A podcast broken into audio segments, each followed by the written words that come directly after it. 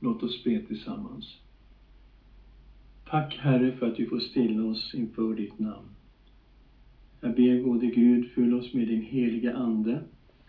Öppna våra hjärtan, våra sinnen för dig och tala till oss i Jesu Kristi namn. Amen. Ja, vi har ju predikat tidigare om Abraham och om Jakob. Men det finns ju en däremellan och det är Isak. Abraham, Isak och Jakob. Och vi har kallat det här för Isak, löftets son. Och ni ser bilden här. Den är tagen i närheten av Jeriko. Och det är beduinläger vi ser framför oss. Och Abraham, Isak och Jakob, de var som beduiner. De hade tält. De flyttade från plats till plats. De hade stora fårjordar, getter. De hade kameler och åsnor. Och de hade många herdar och tjänare som arbetade kring dem. Så det var verkligen som ett beduinläger där de bodde. Och när vi talade om Abraham, då fokuserade vi på de löften som Gud gav till Abraham. Det var ju löftet om att Gud skulle välsigna honom. Men också löftet att han skulle bli ett stort folk. Och löftet att han skulle få landet. Men det var också det här löftet att i dig, i din avkomma, ska Gud välsigna alla släkten i hela världen. Gud upprepade samma löften sen till Jakob. Och vi ska se nu hur han upprepade de här löftena till Isak. I Första Mosebok kapitel 26, vers 1 till 5. Det blev svält i landet igen efter den första svältperioden som hade inträffat på Abrahams tid. Isak begav sig då till Filistenas kung Abimelek i Gerar. Och det här ligger nere i sydväst, ganska nära Gaza, där Gaza ligger idag. Där uppenbarade Herren sig för honom och sa Dra inte ner till Egypten, utan bo kvar i det land som jag säger dig. Stanna som främling här i landet. Jag ska vara med dig och välsigna dig. För jag ska ge dig och dina efterkommande alla dessa landområden. Och jag ska hålla den ed som jag gett din far Abraham. Jag ska göra dina efterkommande talrika som stjärnorna på himlen och jag ska ge dina efterkommande alla dessa landområden. Och i din avkomma ska jordens alla folk bli välsignade. Eftersom Abraham lyssnade till min röst och tog vara på det som jag förordnat, mina befallningar, föreskrifter och lagar. Så här ser vi en upprepning av de löften som Gud gav till Abraham. Och vi noterar här särskilt löftet att i dig ska alla folk på jorden bli välsignade. Och Gud hade lovat det här med ed till Abraham. Vi såg det när Gud hade kallat Abraham att offra sin son Isak. Och när Abrahams lydnad hade prövats till det yttersta, då hör vi hur Herren ropar. Det är Herrens ängel som ropar i kapitel 22, första Mosebok, vers 15. Herrens ängel ropade igen till Abraham från himlen. Jag svär vid mig själv, säger Herren.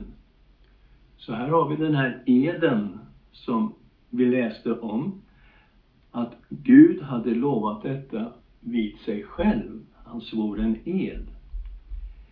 Eftersom du har gjort detta och inte undanhållit mig din enda son ska jag välsigna dig rikligt, göra dina efterkommande talrika som stjärnorna på himlen och som sanden på havets strand.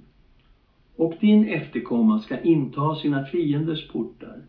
I din avkomma ska jordens alla folk bli välsignade därför att du lyssnade till min röst. Och vi kallar då Isak för löftets son. Och det här är någonting som man kan se när man läser i Första Mosebok. Absolut. Och vi ser det också hos Paulus i Romarbrevet kapitel 9 så använder han sådana här begrepp och vi kommer att titta på det här lite djupare senare. Men vi kommer till Romarbrevet kapitel 9, vers 6. Detta är inte sagt som om Guds ord skulle ha slagit fel. Alla som härstammar från Israel är nämligen inte Israel. Och alla Abrahams avkomlingar är inte hans barn. Och här har vi nu någonting som vi har mött tidigare i Romarbrevet. I andra kapitlet så säger Paulus att den är inte jude som är det på ett yttre sätt. Den är jude som är det på ett inre sätt. Och omskärelse, det är inte den yttre omskärelsen som är viktig, utan hjärtats omskärelse som sker i anden, i den helige ande. Och det handlar om att människor behöver bli födda på nytt, födda av Guds ande, för att få omskurna hjärtan och bli sanna judar så att säga. Och vi möter samma tanke här igen, att Israel, nej men det är inte alla som kommer från Israel. Nej. Och alla Abrahams avkomlingar är inte hans barn. Nej, inte det. Nej, det är genom Isak din avkomma ska räknas. Det vill säga, det är inte de kötsliga barnen som är Guds barn, utan löftets barn räknas som hans avkomlingar. Detta ord var nämligen ett löftesord. Vid denna tid ska jag komma tillbaka och då ska Sara ha en son. Och det här sista här, det är en en vers som kommer ifrån första Mosebok kapitel 18 där Gud säger detta till Abraham och till Sara. När han kommer tillbaks nästa år, då ska Sara ha en son. Så det finns barn som är födda på naturlig väg och i det här fallet så är det Ismael som har fötts på en naturlig väg genom Hagar som var Saras tjänstekvinna. Men Isak, han är ju löftets son. För Gud lovade Abraham att han skulle få en son igenom Sara. Vi vet ju att Gud gjorde förbundet med Abraham. Vi vet också att Gud ändrade hans namn från Abraham till Abraham, fader till många folk. Han ändrade Sarais namn till Sara. Och så säger Gud, jag ska ge dig en son genom Sara och du ska ge honom namnet Isak. Så vi har löften i Första Mosebok 17 och vi har löften i Första Mosebok 18. Så Isak var verkligen löftets son. Men Sara var ju 90 år och Abraham 99 år. Så att det här var ju inte ens möjligt och det har man ju förstått att det här måste ha skett genom Guds under, det kan inte ha skett på naturlig väg. Så det är dels ett löfte, men det är också ett under som Gud har gjort i samband med att Isak föddes. Och vi kommer till Hebreerbrevet kapitel 11. Det som vi kallar för trons kapitel. Och vi ska läsa lite grann här om Abraham, Isak och Jakob ifrån vers 8. I tron lydde Abraham när han blev kallad att dra ut till ett land som han skulle få i arv. Och han gav sig iväg utan att veta vart han skulle komma. I tron levde han i löfteslandet som i ett främmande land. Han bodde i tält med Isak och Jakob som var medarvingar till samma löfte. För han väntade på staden med de fasta grundvalarna, vars byggmästare och skapare är Gud.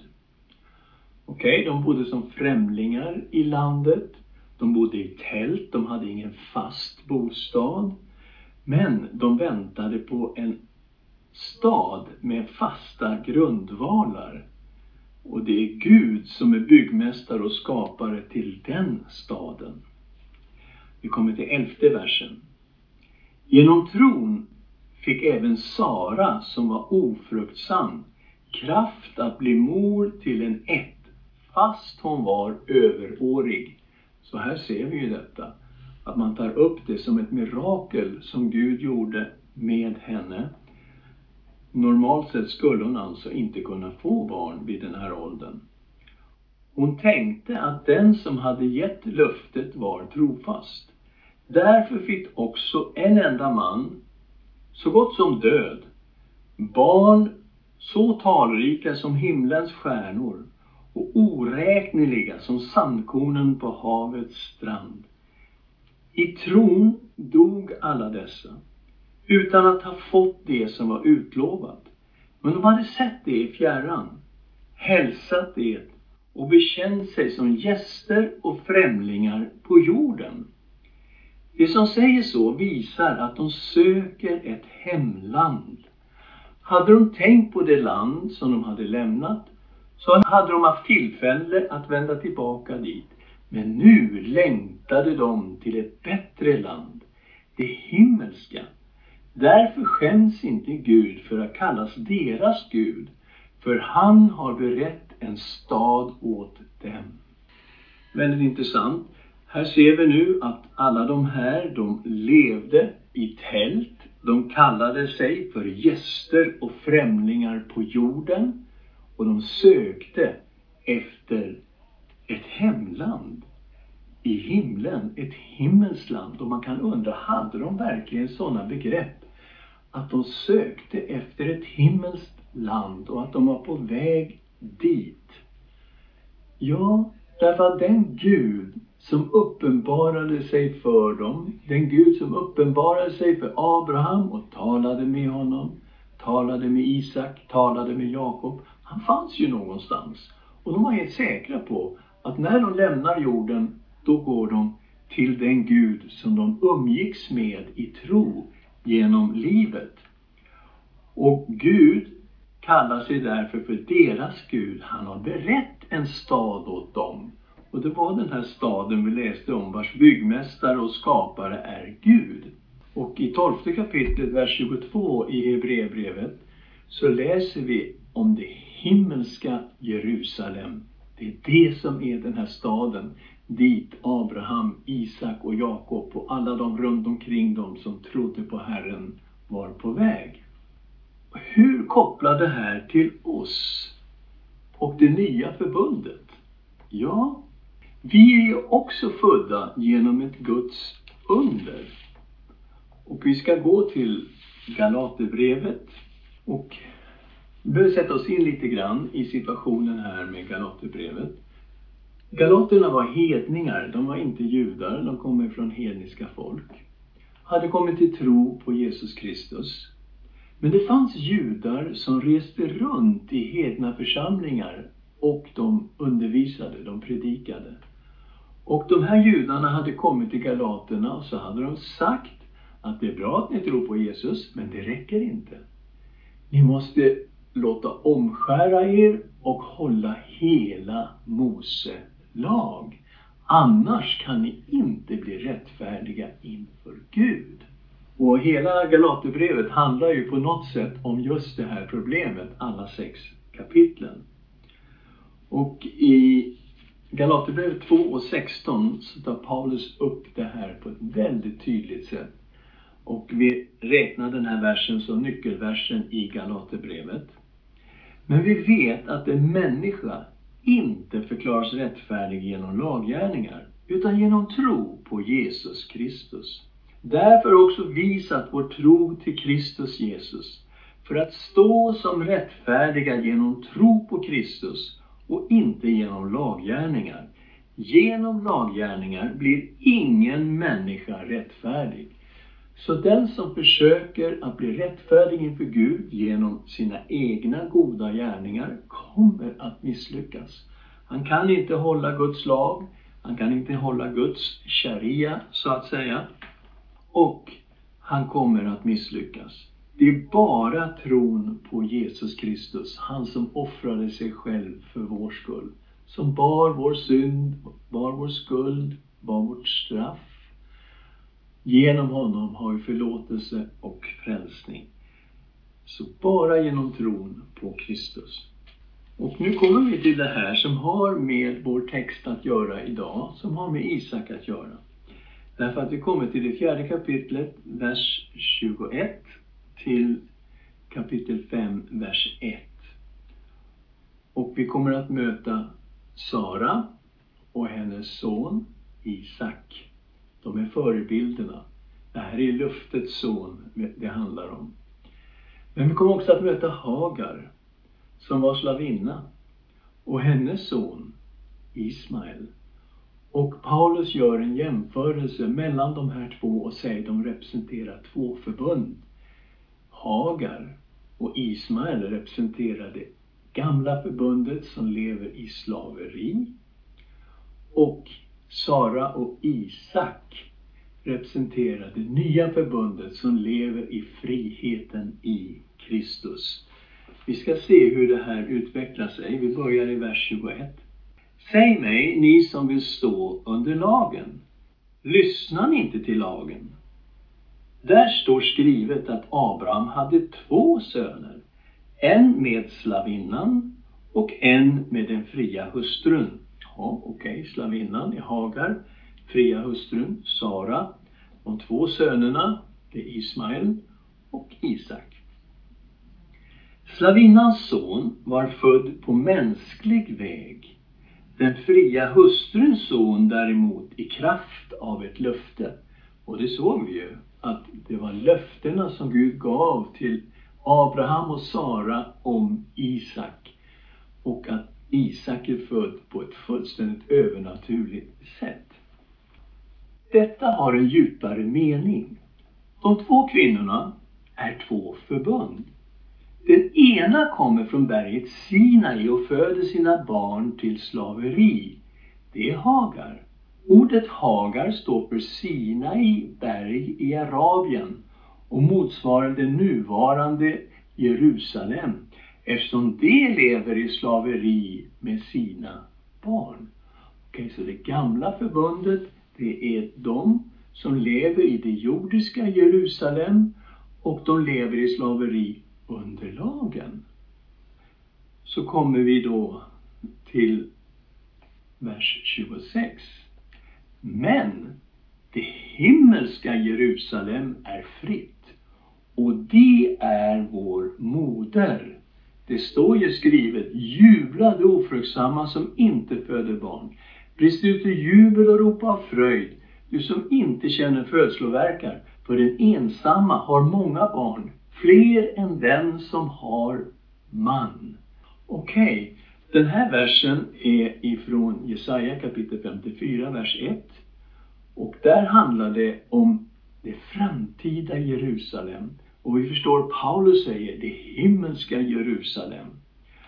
Och hur kommer det sig att den ofruktsamma, som inte kan föda barn, föder fler barn än den som har man. Det är ju helt omöjligt. Men de här barnen är inte födda på naturlig väg.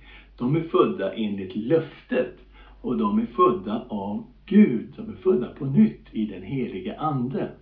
Vi kommer till vers 28. Ni bröder är löftets barn liksom Isak. Och som det var då att han som var född på mänsklig väg förföljde den som var född på andens sätt. Så är det också nu. Och det Paulus hänvisar till här, det är att så mycket av den förföljelse som mötte de första kristna, den kom ju just ifrån judarna. Paulus mötte förföljelse i stad efter stad av judarna som fanns i den staden. Och även i Israel så förföljdes ju lärjungarna av judarna. Och så han säger som det var då på den tiden, Ismael förföljde Isak, likadant är det idag. Vi blir förföljda, vi som tillhör det nya förbundet. Men vad säger skriften? Driv ut slavinnan och hennes son, för slavinnans son ska inte ärva tillsammans med den fria hustruns son. Alltså bröder är vi inte barn till slavinnan utan till den fria hustrun. Till denna frihet har Kristus gjort oss fria. Stå därför fasta och låt er inte tvingas in under slavoket igen. Så driv ut slavinnan och hennes son när det gällde galaterna så skulle det inte finnas i församlingen den här läran att det inte räckte med att tro på Jesus Kristus och att de måste låta omskära sig och att de måste hålla Mose lag. Hela den läran skulle drivas ut, det som hörde till det gamla förbundet. Och istället skulle de nu ha tro på Jesus Kristus och leva i det nya förbundet. Vi ska titta lite grann vad vi får för slutsatser av det här. Det första vi ser och som vi behöver påminna oss om när vi tänker på Isak som löftets son, det är att vi kan aldrig bli rättfärdiga inför Gud genom våra goda gärningar. Vår egen rättfärdighet, vår självgodhet kommer aldrig att räcka för att vi ska vara rätt inför Gud. Det är bara tron på Jesus Kristus, frälsningen i Jesus Kristus. Det är det enda som kan rädda oss. Det andra vi kan se, är att vi är också luftets barn, precis som Isak. Vi är födda av Gud i det nya förbundet. Isak föddes som löftets son genom ett Guds under. De här löftena som Gud gav till Abraham, Isak och Jakob, de gick i uppfyllelse i Jesus Kristus. Och när vi tror på Kristus, då är vi också löftets barn. Därför att Gud sa i de här löftena, i din avkomma ska alla folk på jorden bli välsignade. Och avkomman är Kristus. Så när vi tror på Kristus, då är vi luftets barn, födda av Gud i det nya förbundet. Våra namn är skrivna i det himmelska Jerusalem. Vi såg i Hebreerbrevet hur Abraham, Isak och Jakob, de väntade på den här staden med de fasta grundvalarna. Och Gud, han har berett en stad åt dem. Och vi förstår då att denna stad såg vi eller ja, det står skrivet i Hebreerbrevet 12 och 22. Det är det himmelska Jerusalem. Och våra namn är skrivna i det himmelska Jerusalem. Som Paulus säger här i Galaterbrevet kapitel 4. Och tänk på Jesu ord. Gläder inte över att de onda andarna lyder er. Gläder över att era namn är skrivna i himlen. Därför att vi människor, vi hör hemma där vi är skrivna. Jag är skriven i Spånga och här bor jag så att säga. Jag är skriven i Sverige. Men vi lever som gäster och främlingar på jorden. Och vårt verkliga hem, ja det är i himlen. I det himmelska Jerusalem. Där är våra namn skrivna. Och dit är vi på väg. Låt oss tacka Herren tillsammans. Tack Herre för dina löften. Löftena som du gav till Abraham och Sara när det gäller Isak som son. Tack för undret att Isak kunde födas. Tack gode Gud för löftena, de enorma löftena som du gav till Abraham, Isak och Jakob. Tack gode Gud att alla de här löftena har gått i uppfyllelse. Och vi ser hur de har gått, blivit uppfyllda i dig, Jesus Kristus vår Herre. Tack att vi får sätta tro till dig och lita på dig. Vi tackar dig för frälsningen. Tack för syndernas förlåtelse. Tack att vi är pånyttfödda, födda av dig, av din Ande. Vi tackar dig, gode Gud. Och tack för att våra namn är skrivna i det himmelska Jerusalem och att vi är på väg till den här staden som Abraham, Isak och Jakob längtade efter. I Jesu Kristi namn. Amen.